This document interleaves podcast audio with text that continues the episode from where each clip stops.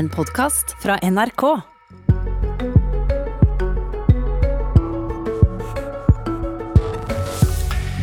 Barn og unge er prioritert, er politikerne enige om. Så hvorfor vil ikke regjeringa legge pengene på bordet til skolene og prioritere de skoletilsatte i vaksinekøa, spør Arbeiderpartiet. Det skal Høyre og Ap få diskutere, men eh, som nevnt, først har vi invitert helseminister Bent Høie hit, for eh, det skal handle om at et glass øl nå er blitt politisk spill. Etter to uker med forbud mot alkoholservering i hele landet, vedtok flertallet på Stortinget i går at kommuner med lågt smittetrykk skal kunne tillate alkoholservering i samband med matservering. Regjeringspartiene var mot dette. Helseminister Høie svarte med å oppheve hele den nasjonale skjenkestoppen, men sa dette kan føre til smitteoppblomstring og at Stortinget har et ansvar for det. Og han sa at andre koronalettelser nå kan bli skjøvet ut i tid. God morgen, Bent Høie. God morgen. Din måte å svare på stortingsvedtaket er tema her nå. For opposisjonen mener du går for langt, og kaller din respons barnslig. Først, ba opposisjonen deg egentlig om å oppheve skjenkestoppen i hele landet? Ja, det, det, gjorde de. og Dette var jo nødvendig for meg, og siden dette ikke var et tema i stortingsdebatten, så det var vanskelig å vite hva partiene mente om dette, så tok jeg kontakt med den som hadde fremmet forslaget, Siv Jensen, for det er det som er naturlig. Jeg må gå til kilden. og da fikk jeg avklart at det var det som var forståelsen av dette. Men det, det, det står jo i vedtaket at kommuner med lågt smittetrykk skal kunne tillate servering. Du uh, snur det jo uh, opp ned, tillater det i hele landet, og så må eventuelt kommuner forby det i sitt område.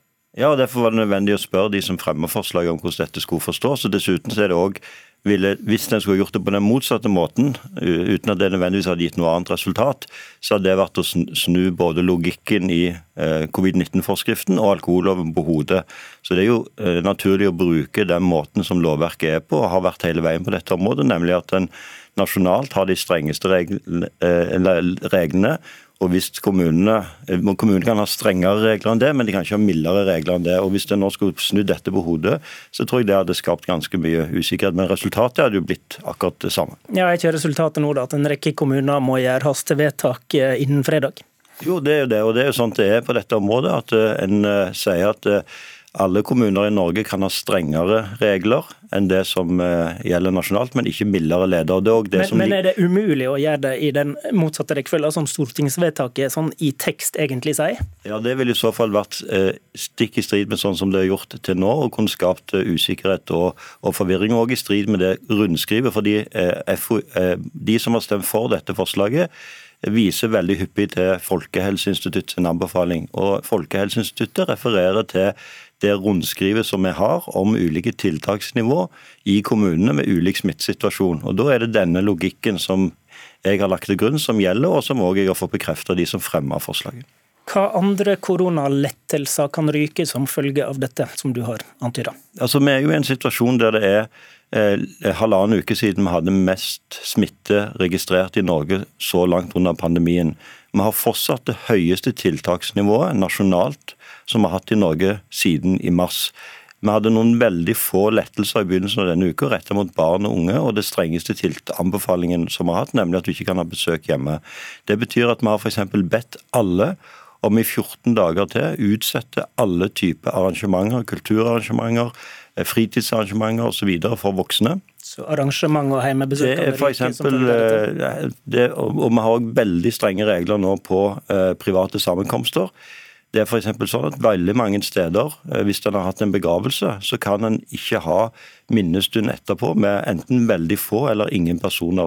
Mener du at dette som du ramser opp nå kan ryke pga. stortingsvedtaket om skjenkestopp? Fordi, Som jeg sa til Stortinget i går, og det var ikke på bakgrunn av eh, at jeg visste at dette ble vedtatt, men som jeg sa til Stortinget i går at framover nå så kommer det å stå i en vanskelig situasjon, fordi det finnes gode argumenter for å lette på hvert enkelt tiltak. Og Ikke minst dette tiltaket her forstår jeg veldig godt argumentene for. Problemet er at det er summen av tiltakene som har effekt. Og I høst så erfarte vi at òg både direktoratet, Folkehelseinstituttet og regjeringen sine vurderinger på enkelttiltak i sum eh, førte til at det ble for lavt tiltaksnivå nasjonalt, og vi overlot for mye til kommunene. Det førte bl.a. var med på at vi ikke klarte å stoppe bølge to.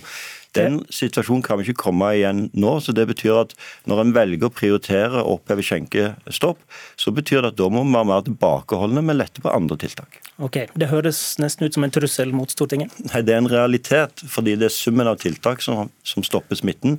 Det er ikke hvert enkelttiltak. Men du kunne vel unngått de konsekvensene du peker på her, hvis du organiserte dette motsatt og bevarte den nasjonale skjenkestoppen, lot enkeltkommuner liberalisere? Nei, fordi at eh, jeg regner jo med at kommunene vil vurdere dette likt uansett. Så om de skulle ha oppheva skjenkestopp eller innført skjenkestopp, så ville jo den lokale vurderingen vært den samme. Så resultatet ville vært det samme. Smitteverntiltakene har jo regjeringa stort sett utforma. Mener du Stortinget ikke burde blande seg i dette? Jeg mener at Det ligger jo i loven at det er, det er regjering og helsedirektorat som gjør den type vurderinger. Så kan Stortinget gjøre akkurat det de mener er riktig, og det, har, det er absolutt Stortinget sin mulighet til å gjøre det. Men Stortinget kan ikke gjøre vedtak og, og, tro at de ikke har konsekvenser. Og Det regner jeg med at Stortinget også forstår at vedtak i Stortinget også selvfølgelig har konsekvenser når de gjennomføres. Takk til deg, Bent Høie. Abonner på Politisk kvarter som podkast og få sendinga rett til din mobil. Kanskje vil Stortinget pålegge regjeringa mer politikk som den er lunken til. Iallfall har Arbeiderpartiet kommet med to utspill om vesentlige endringer av koronapolitikken som gjelder norske skoler. Partiet mener det trengs en egen krisepakke til skolene, og de mener at ansatte i skoler og barnehage må prioriteres for vaksine. Vi tar pengene først, utdanningspolitisk talsperson i Ap, Torstein Tvedt Solberg.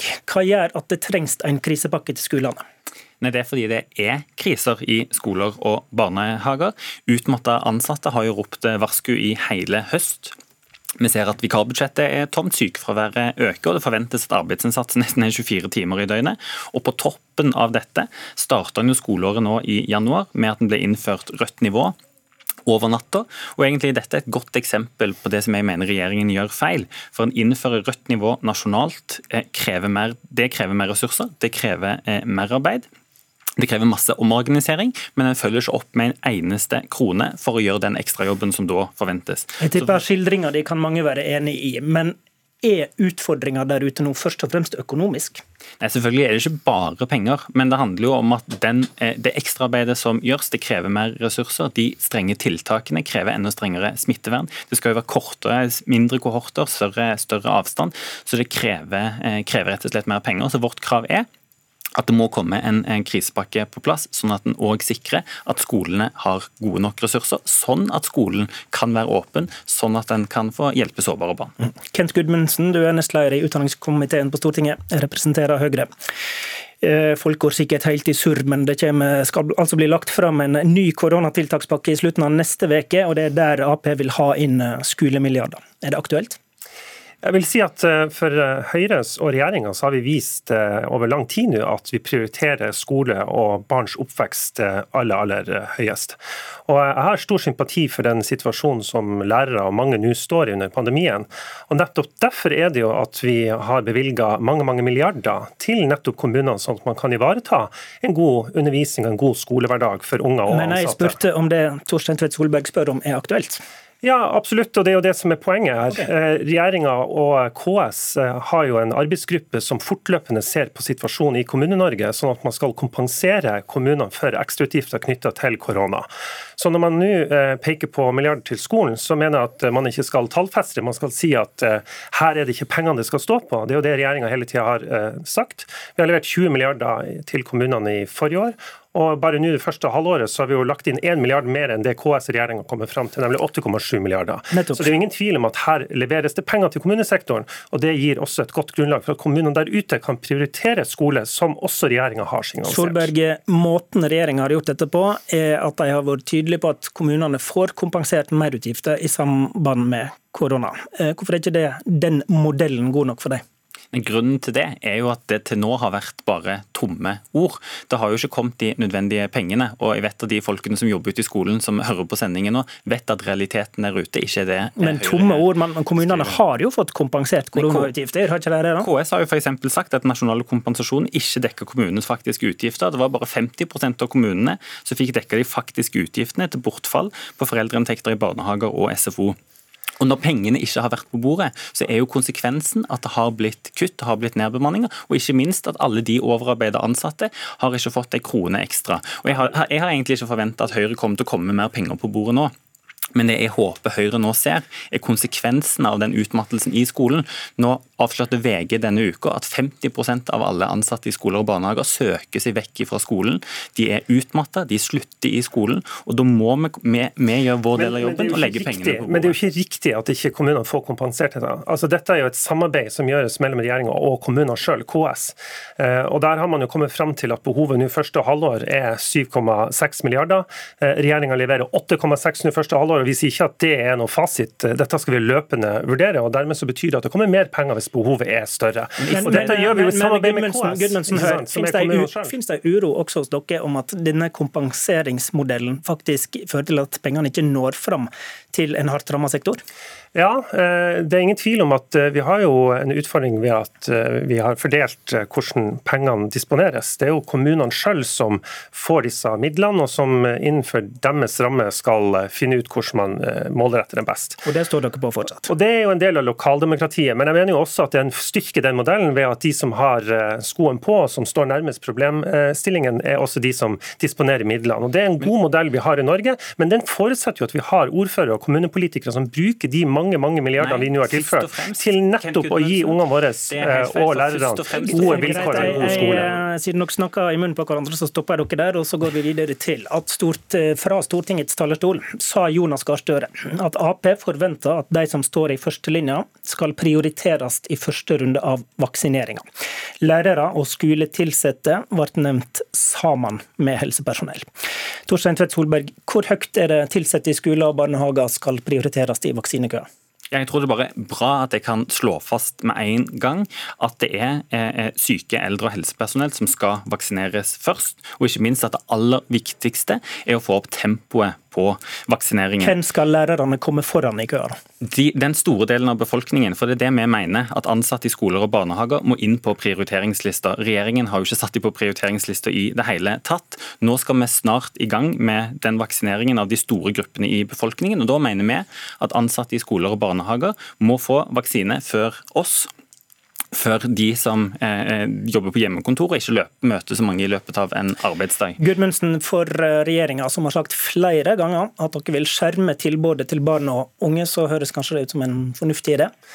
Det Arbeiderpartiet sier her nå, er jo noe helt annet enn de sa i går. Eh, Så her har i så fall Arbeiderpartiet snudd eh, fullstendig. Eh, Og det er jo fint, det. fordi det er jo i tråd med regjeringas plan, som er forankra i Folkehelseinstituttets anbefalinger. Nemlig at de som har underliggende sykdommer, de som står i fare for å dø, er de som skal få vaksinen aller, aller først. Så de har laga en men sier du nå at du kan være med på at uh, tilsatte i skolen skal prioriteres før, før andre med andre typer jobber? da? Det jeg sier er at eh, Vi i Høyre og regjeringa er veldig opptatt av å lytte til faglige anbefalinger. Jeg og Tvedt Solberg her er ingen smitteverneksperter. og jeg synes synes det er feil. Du, sier- du sier egentlig nei, da? Jeg sier at eh, vi skal selvfølgelig lytte til faglige anbefalinger. og For oss prioriterer vi å eh, komme oss raskest mulig ut av denne pandemien og få en mest mulig normal hverdag. og Da lytter vi til fagfolks anbefalinger på hvordan vi skal gjøre denne vaksineringa på en best mulig måte. Fordi det er et begrensa gode. Det er få vaksiner som er tilgjengelig. og Derfor er det viktig at vi følger faglige Og- anbefalinger. Tvedt Solberg, FHI eh, sier nei til dette forslaget. Hva eh, vet du som gjør at du kan sette deg utover faglig anbefaling på dette området? da? Men Vi mener dette er en veldig viktig diskusjon å komme i gang med. og jeg synes jo Det er litt urovekkende da, at regjeringen ikke helt tatt har lyst til å være med på denne diskusjonen. Vi støtter det kravet som har kommet fra Utdanningsforbundet her. for Realiteten er jo at skal vi klare å holde skoler og barnehager åpne fram mot sommeren med det smittetrykket som er, så forutsetter det at de ansatte ikke blir utsatt for eller bidrar til økt smitte. Det mener vi må få betydning for vaksineringen. Nå har ikke de ansatte i skoler og barnehager noen plass på den prioriteringslista i det hele tatt. Det er den diskusjonen som eh, må i gang. Fordi Gud- åpne men- men- altså, Gudmundsen til slutt. Dette er jo ikke bare faglige vurderinger. Man lytter til faglige vurderinger, så gjør en politisk prioritering. Jo, men her må faglige vurderinger veie tungt. og eh, Vaksinen har kun påvist å hindre eh, alvorlig sykdom og død. Den har jo ikke blitt påvist at den hindrer smitte. Så det er jo ikke sånn at en smitta lærer eh, likevel, eller en smitta ungdom eh, gjør at du ikke må sette den kohorten eller den klassen i karantene. Så argumentet fra Tvedt Solberg holder jo ikke på dette området. Dette viser jo bare hvor viktig det er at du lytter til smitteverneksperter. Men er ikke hans argument i tråd med regjeringa sine prioriteringer, da? Vi prioriterer å holde skolene eh, åpne, fordi at eh, vi må skjerme barn og unges oppvekst. Du fikk, du fikk litt kort tid på det spørsmålet, beklager. Sendinga er slutt. Du har hørt en podkast fra NRK. Hør flere podkaster og din NRK-kanal i appen NRK Radio.